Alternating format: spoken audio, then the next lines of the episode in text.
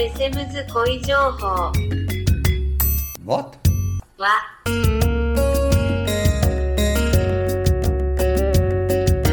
Ruud Bezems, kooiinformatie.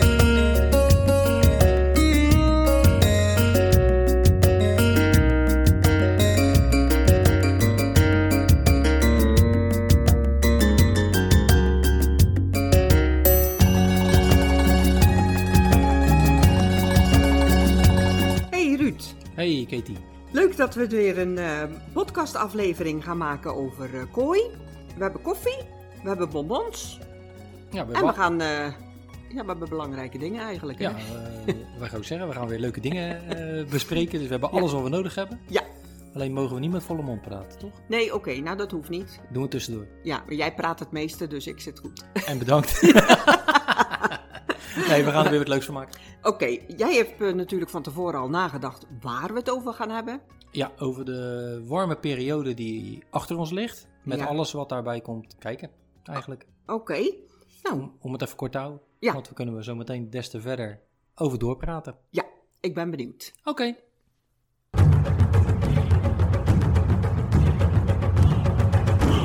Koi no no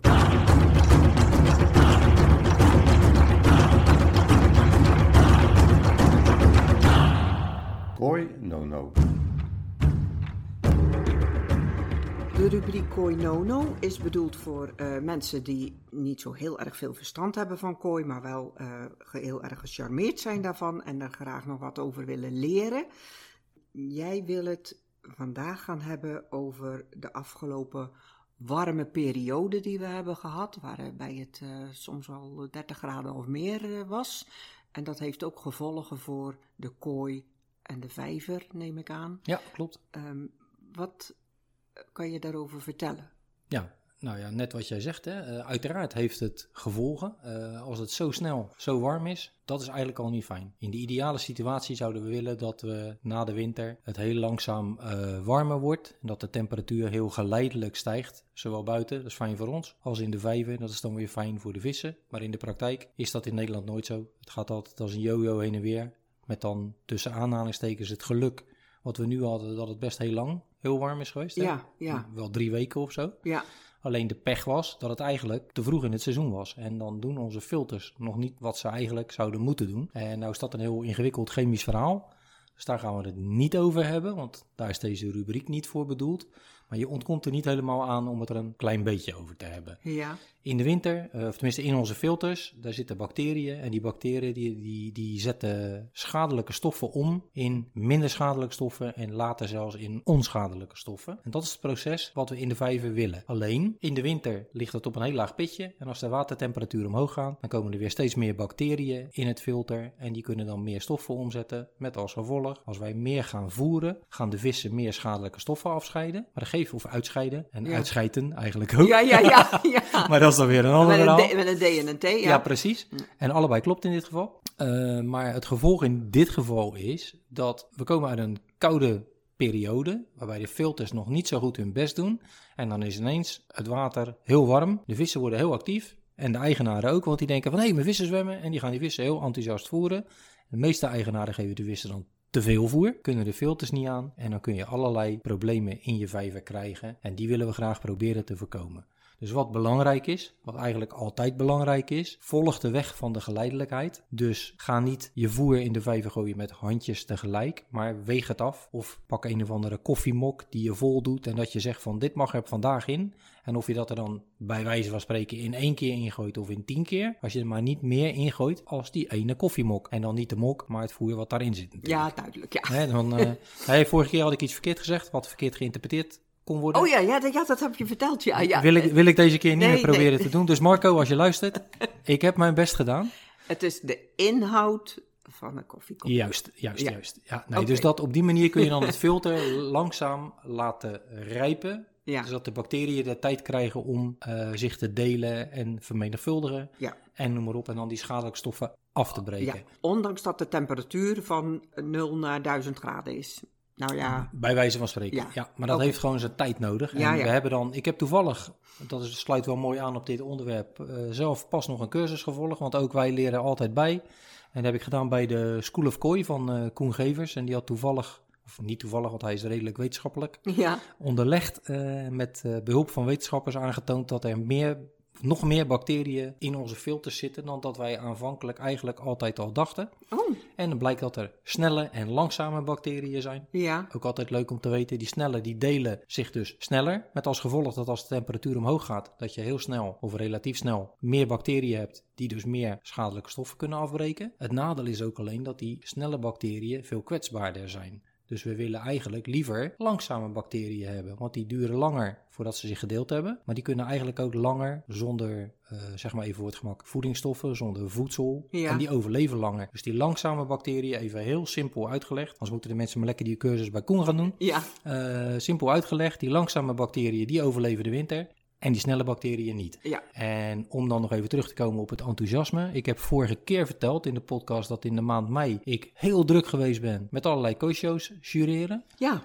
In de maand juni ben ik ook heel druk geweest. Niet met jureren, maar met allerlei gezondheidsbezoekjes. Wat dan eigenlijk bijna bij iedereen te wijten was aan het enthousiasme van de hobbyist. Dus ongeduld, te snel, te veel willen voeren en eh, daarmee eigenlijk je eigen problemen creëren. Daar komt het in grote lijnen op neer. Om daar dan op aan te sluiten als mensen die dan de rubriek Koinono luisteren, maar die wel een vijver al hebben, Ja. in het beginstadium of wat dan ook. ja, Eh, buiten dat je cursussen kan volgen bij de eh, bekende verenigingen en dan tegenwoordig ook bij eh, de School of Kooi van Koen. Een maatje van mij, Joop van Tol, die heeft al meerdere boeken geschreven over kooi, waterkwaliteit en dat soort dingen. En hij heeft een kooibijbel, noemt hij het zelf, geschreven ja, over waterkwaliteit. En hij geeft daarin aan dat eigenlijk 80% van de problemen die mensen in de vijver hebben, terug te herleiden zijn naar de waterkwaliteit. zo, En dat heeft dan heel vaak ja, te maken met alle factoren die ik net ook aangaf. Het Ja. leuke van dit boek is eh, dat het boek opgedeeld is in een soort van moeilijkheidsgraden. ja, Dus als je Koinono bent, dan eh, lees je, ik weet het niet uit mijn hoofd, maar bij wijze van spreken alleen de blauwe ho- hoofdstukken ja, uit het ja, boek. ja. En dan snap je helemaal wat je zou Wat voor moeten van snappen. toepassing is, ja. En als je al wat verder bent en je wil echt eh, het naadje van de kous, Kous weten, weten. en je wil alle details en percentages en chemische samenstellingen, dan lees je alle kleurtjes en dan weet je alles. En die boeken zijn nog te koop. Dus ik zou zeggen, ga naar Koi Today van Joop van Tol. En daar kun je echt je, je voordeel mee doen om deze periode van het opstarten van je filter en de bijbehorende of bijkomende problematiek, om die beter en adequater aan te pakken. Slim. Ik denk dat dat voor Koinono eigenlijk wel even een, eh, een goede is voor deze uitzending.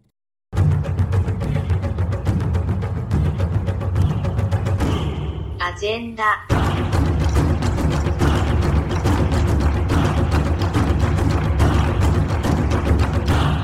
De agenda. Ook in juli zijn er diverse events bij kooihandelaren. Omdat we niemand tekort willen doen, verwijzen we hiervoor naar kooi-gerelateerde Facebookgroepen of de website van je favoriete dealer.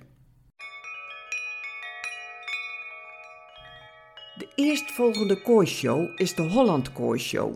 Deze vindt plaats in de kasteeltuinen van Arsen. De show is op 18, 19 en 20 augustus. We komen daar in de volgende podcast uitgebreid op terug.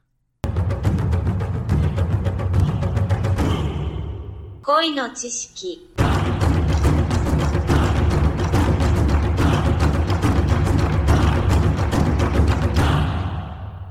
kennis.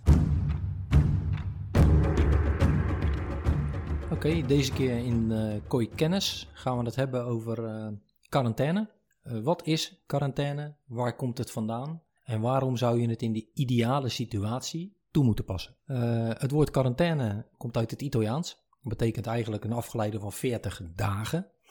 In de 14e eeuw, toen in Italië langs de kust, zal maar zeggen, allerlei schepen afmeerden. En die mochten daar niet, of tenminste de bemanningsleden mochten niet aan land voordat ze 40 dagen aan boord waren gebleven zonder invloeden van buitenaf.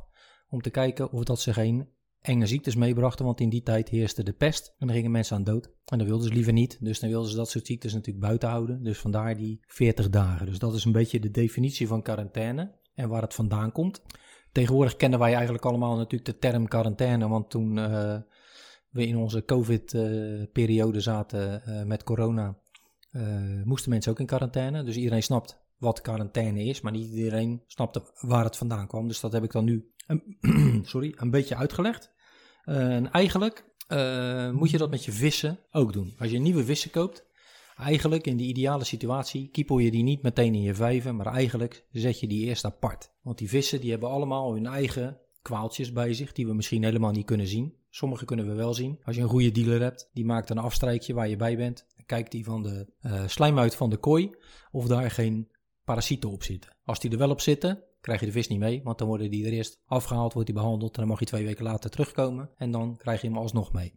Als jij dan een slimme kooihouder bent en je hebt een uh, microscoop thuis en je hebt wat cursussen gedaan, voordat je dan die vis in je vijver doet, maak je ook even een afstrijkje van je eigen vissen om te kijken of dat daar toevallig geen parasieten op zit, want anders zou je nog steeds nou, de primaire problemen kunnen uh, veroorzaken. Dus uh, je hebt je microscoop gepakt, je hebt uh, zoals het hoort alles klaargelegd, je hebt de vis met beleid gevangen, het afstrijkje gemaakt en je kijkt of je eigen vis geen parasieten heeft, want dan zou je, zoals ik al zei, nog steeds allerlei problemen kunnen veroorzaken. Als die vis dan ook schoon is, dan denk je natuurlijk hippie mijn eigen vissen zijn schoon, mijn nieuwe vis is schoon, dus dan kan die zo de vijver in, geen problemen. Helaas. Niets is minder waar, want die vissen hebben behalve mogelijk parasieten, hebben ze ook allemaal hun eigen, uh, zeg maar even, bacteriestammen bij zich. En uh, dat hoeft helemaal niet erg te zijn, want die vissen zijn natuurlijk zeker bij jou in de vijver allemaal aan elkaar gewend.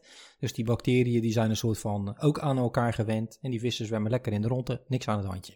Totdat je een vis van buitenaf erbij gaat zetten. Want die heeft natuurlijk niet exact dezelfde bacteriën bij zich als die vissen die al in jouw vijver zitten. En dan krijg je in 99 van de 100 gevallen krijg je problemen. Heel vaak zijn dat kleine probleempjes. Soms zijn het ook wat grotere problemen. En die kun je dus voorkomen door een quarantaineprocedure te doen. Houdt wel in dat je natuurlijk de ruimte moet hebben voor een quarantainebak. Die moet draaien en noem maar op. Maar daar gaan we in dit verhaal wel even vanuit. Dus je hebt een quarantainebak. Daar zit filtermateriaal in wat ingedraaid is. Mocht het zo zijn dat die bak stil heeft gestaan totdat jij die nieuwe vis ging ophalen, dan zou je die, het filter wat op die quarantainebak zit kunnen opstarten met materiaal uit je bestaande filter. Dat kan. Je haalt de vis op, je zet hem in de quarantainebak en daar laat je hem twee weken zitten. Het enige wat je in die twee weken doet is die vis een klein beetje eten geven en gewoon normaal water verversen met kraanwater. Je krijgt dus eigenlijk een tweede uh, biotoop naast je vijver, een soort mini-vijvertje waar die ene vis in zit. Op het moment dat je na twee weken geen problemen ziet bij die vis, dan is die gezond, gaan we vanuit. Dan haal je een vis uit de vijver en die ga je erbij zetten in die quarantainebak. En op dat moment weet je dat je met die vis die je erbij zet, dat je daar risico mee loopt. Want het kan fout gaan, in meer of mindere mate, zoals ik al zei. Dus wat doe je dan? Klinkt heel lullig. Je neemt de lelijkste vis, of je neemt de vis waar je helemaal niks mee hebt. Bijvoorbeeld die je van je schoonmoeder gekregen hebt of zo. Ik zeg maar even wat. En die zet je erbij in die quarantainebak. En dan herhaal je wat je die twee weken daarvoor gedaan hebt. Je ververst, je voert en je houdt die vissen in de gaten en je kijkt of ze elkaar op de een of andere manier besmetten. Voor dit verhaal gaan we ervan uit dat ze dat niet doen. Dus dan ben je twee weken verder en ze hebben elkaar niet besmet. Dus dat betekent dat dat kleine beetje bacteriën wat je met elkaar in aanraking hebt laten komen, dat is blijkbaar niet storend genoeg, niet kwetsend genoeg om die vissen ziek te maken. Dan ga je weer een periode van twee weken niet meer verversen met kraanwater, maar dan ga je verversen met water uit de vijver. Dus dan doe je bijvoorbeeld elke dag 20, 30 procent vijverwater in die quarantainebak erbij, om die vissen nog veel meer in aanraking te laten komen met die andere bacteriestammen, om het zo maar te noemen. Mocht je dan na weer twee weken nog steeds geen problemen hebben, dan mag je ervan uitgaan dat je die vis eigenlijk zonder al te grote noemenswaardige problemen erbij kan zetten in je vijver. Nou, de oplettende luisteraars die hebben uh, opgemerkt dat ik het drie keer over een periode van twee weken heb gehad. Dat is dus zes weken, keer zeven dagen, is 42 dagen. Zitten we weer aardig op die quarantaine. Uh, waar dat vandaan kwam, het hele verhaal. Wat ik wel aan wil geven, in bijna alle gevallen krijg je na twee weken problemen. Als je geen quarantaine doet, als je een vis bijzet. Ervaring leert dat de incubatietijd van die bacteriële problemen 9 van de 10 keer ongeveer twee weken is. En ik weet dat er allerlei middeltjes op de markt zijn waarmee je de bacteriedruk kan verlagen en noem maar op. zijn goede, minder goede middeltjes, maar hou wel in je achterhoofd dat elk middeltje wat jij in de vijver gooit om die bacteriedruk te verlagen, niet alleen de uh, slechte bacteriën doodmaakt, maar ook een x aantal van de goede bacteriën, waarin we het uh, in een eerdere rubriek over gehad hebben, die je zo hard nodig hebt om uh, de slechte stoffen die in je vijver komen af te breken. Dus wees daar heel voorzichtig mee. Doe dat niet als het niet nodig is. Ga ervan uit dat ook als je een vis bijplaatst zonder die quarantaineprocedure, ik zei al, de kans is groot dat je problemen krijgt. Soms zijn het maar relatief kleine problemen die je op kan lossen met water verversen en dat soort zaken. En dan hoef je je eigen daar niet al te druk over te maken. Wat ik vaak als voorbeeld gebruik bij uh, uitleg en bij cursussen en dat soort dingen. Als je een verjaardag viert uh, thuis, zoals wij in Nederland vaak doen, binnen in huis, zit je met een mannetje of twintig in een uh, woonkamer. Als er één of twee van die mensen verkouden zijn, het wil niet per definitie zeggen dat die anderen dan ook allemaal verkouden worden. Vaak is het zo dat alleen die mensen die niet in topvorm zijn op dat moment, die stress op hun werk hebben gehad of om andere redenen, uh, die slecht geslapen hebben of wat dan ook, die zijn wat vatbaarder en die worden mogelijk verkouden. En al die andere mensen die in topvorm zijn, niet. Dus dat betekent dat als jij voordat je je vissen bij gaat plaatsen in je vijver, zorg ervoor dat je vijver in topconditie is. Dus zorg ervoor dat je waterkwaliteit helemaal op orde is. Zorg ervoor dat je filter lekker draait, dat je gewoon kan voeren, dat alle omstandigheden zo ideaal mogelijk zijn. En dan kun je met minder risico die quarantaineprocedure overslaan. Maar hou in je achterhoofd dat het risico er altijd is.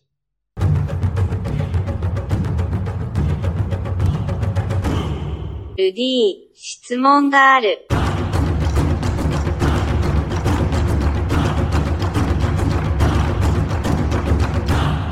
Ruud, ik heb een vraag. Bij de rubriek Ruud, ik heb een vraag, springen we e- eigenlijk een klein beetje naar kwestie van de maand, Ruud. Want ik begrijp dat jij in deze rubriek eigenlijk een soort vervolg wilde geven aan waar we, wat we net hebben beluisterd. Ja. Uh, de eventuele problemen die kunnen optreden in de zomermaanden. Als het warm weer is uh, met je vijver. Uh, ook als je dus een vis erbij gaat plaatsen, wat er dan eventueel kan gebeuren. En het quarantaineverhaal wat we hebben gehoord. Ja. Waarom zou je een vis bijplaatsen? Dat was iets waar jij het dan in deze rubriek over wil hebben. Ja, en dan niet eigenlijk alleen over waarom. Nee. Ook een klein beetje over wanneer. Ja, uh, want wanneer is natuurlijk ook eigenlijk heel belangrijk, hè, wat ik ook aangegeven heb uh, bij die quarantaineperiode Ja. en dergelijke, hè, wa- wat je in acht moet nemen. ja, En ook de- vooral wat de conditie van je vissen en je vijver is. Ehm, als we dan even beginnen met het wanneer. De handel, de kooidealers, die willen altijd heel graag dat je je vissen bijplaatst in april, begin mei. Want dan zijn de watertemperaturen hoog genoeg om vissen te kunnen vervoeren. En die handelaren die willen dan op dat moment graag van die vissen af. Want die zitten daar dan vaak al de hele winter. Eh, en die willen graag ook weer nieuwe vissen neer gaan zetten. Dus hoe eerder jij jouw reeds gekochte vis ophaalt, des te eerder kan die handelaar nieuwe vissen neerzetten. Of, of bijplaatsen, of laten komen uit Japan of zelf gaan halen, noem maar op. ja, Uh, maar laat je daar niet te veel door leiden, vind ik. Ik heb natuurlijk makkelijk praten, maar dat is mijn mening. Want als je in april die vissen bijplaatst, dan zijn jouw andere vissen nog niet in topconditie. Je vijver is nog niet in topconditie, zoals ik net uit heb gelegd. ja, Dus je loopt dan veel meer risico's. Eigenlijk zou het in mijn ogen beter zijn om die vissen pas wat later bij te plaatsen als de vijver beter in vorm is, als de temperaturen stabieler en wat hoger zijn. Ook omdat je dan meer en makkelijkere behandelingsmogelijkheden hebt als er problemen zijn. Als het water te koud is, werken sommige medicijnen niet en dat soort dingen. Dus ik zou liever zien dat je die vissen later ophaalt. Maar Zo, eh, eh, dan, je bedoelt dan later in het jaar als de zomer voorbij is, of zeg ik dan iets geks? Nee, ik zou niet wachten tot voorbij de zomer, maar ik zou dat dan eerder eigenlijk liever in de zomer doen. Oh. Want als je dan zou moeten behandelen, Ja. dan heb je daarna in ieder geval ook nog de rest van de zomer en laten we zeggen de nazomer om die vissen, als ze eventueel een, eh, een tikje gehad hebben van de behandeling en de problemen, Ja. weer lekker aan te laten sterken, zodat ze dan de komende winter wel goed de winter ingaan. Oh. Want anders, ja, ja. anders ben je eigenlijk je eigen problemen alweer aan het creëren voor volgend jaar. Dus Ja. je moet echt goed vooruitdenken. Ja, ja, ja, ja. Dus dat, maar dat is mijn mening en ik weet dat daarin heel veel eh, andere meningen zijn. Eh, en ik snap, nogmaals, eh, uiteraard de noodzaak bij de handel.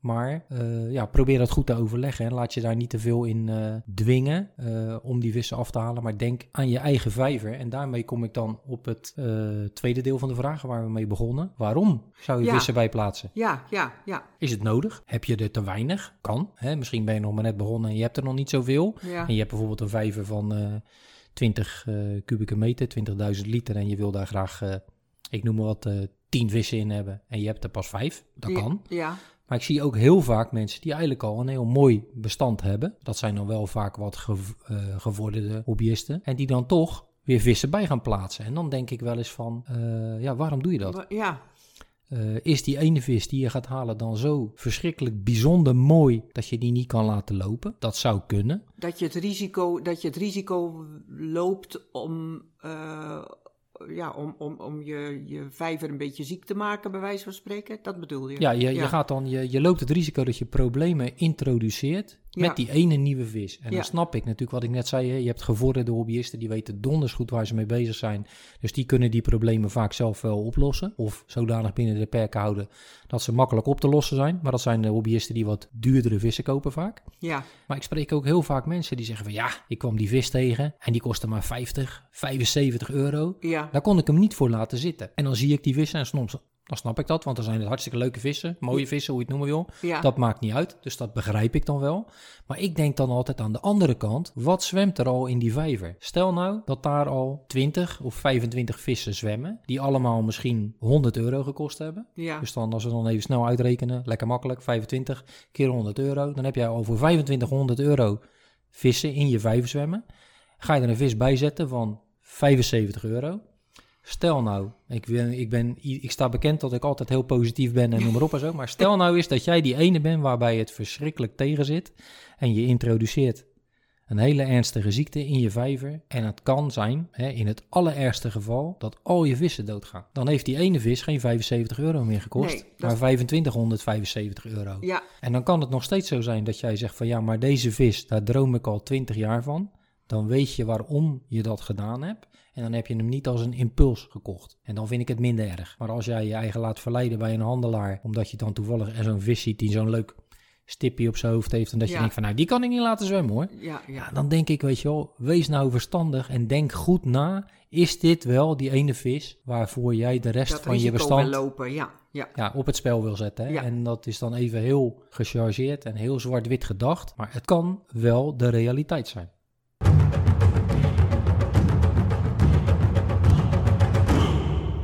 次のエピソード」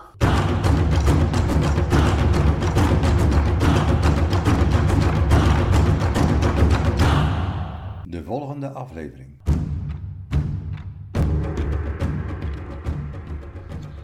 Ruud, de volgende aflevering. ehm, dat is, wordt een, eh, een drukke aflevering, eh, heb ik begrepen. Het is dan nog vakantietijd, want eh, we zitten dan, eh, als het goed is, begin augustus. Ja. Wat ga je dan, he- heb je dan nog iets te vertellen over die vakantietijd? Of wat, wat gaan we dan, eh, waar gaan we het over hebben? Ja, ik denk dat we het dan even gaan hebben over eh, hoe je met het voeren omgaat. Als je er zelf niet bent, in de Oh ja. vakantie. Ja. Hoe pak je dat aan? Waar moet je op letten? Ja, handig. Ja. Ja, oké.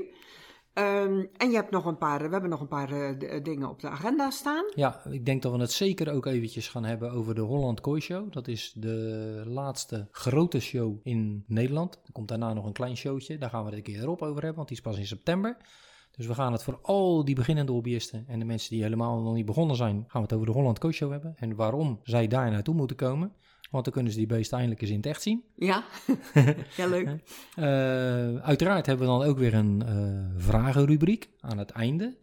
En wat we dan, omdat het, eh, we gaan vieren dat het de zesde podcast is. Ja. Dus dan gaan we iemand uitnodigen Oh, die, ge- die gezellig met ons meekomt babbelen. Nou, dat is leuk. En we gaan lekker niet zeggen wie dat is. Dat houden we nog even als verrassing. Oké, nou goed. Ja. Hartstikke leuk. Dus dat wordt dan de volgende in begin augustus. Ja, ik kijk er al naar uit. Ik heb er ook weer zin in. Goed, tot de volgende keer. Joe, doeg!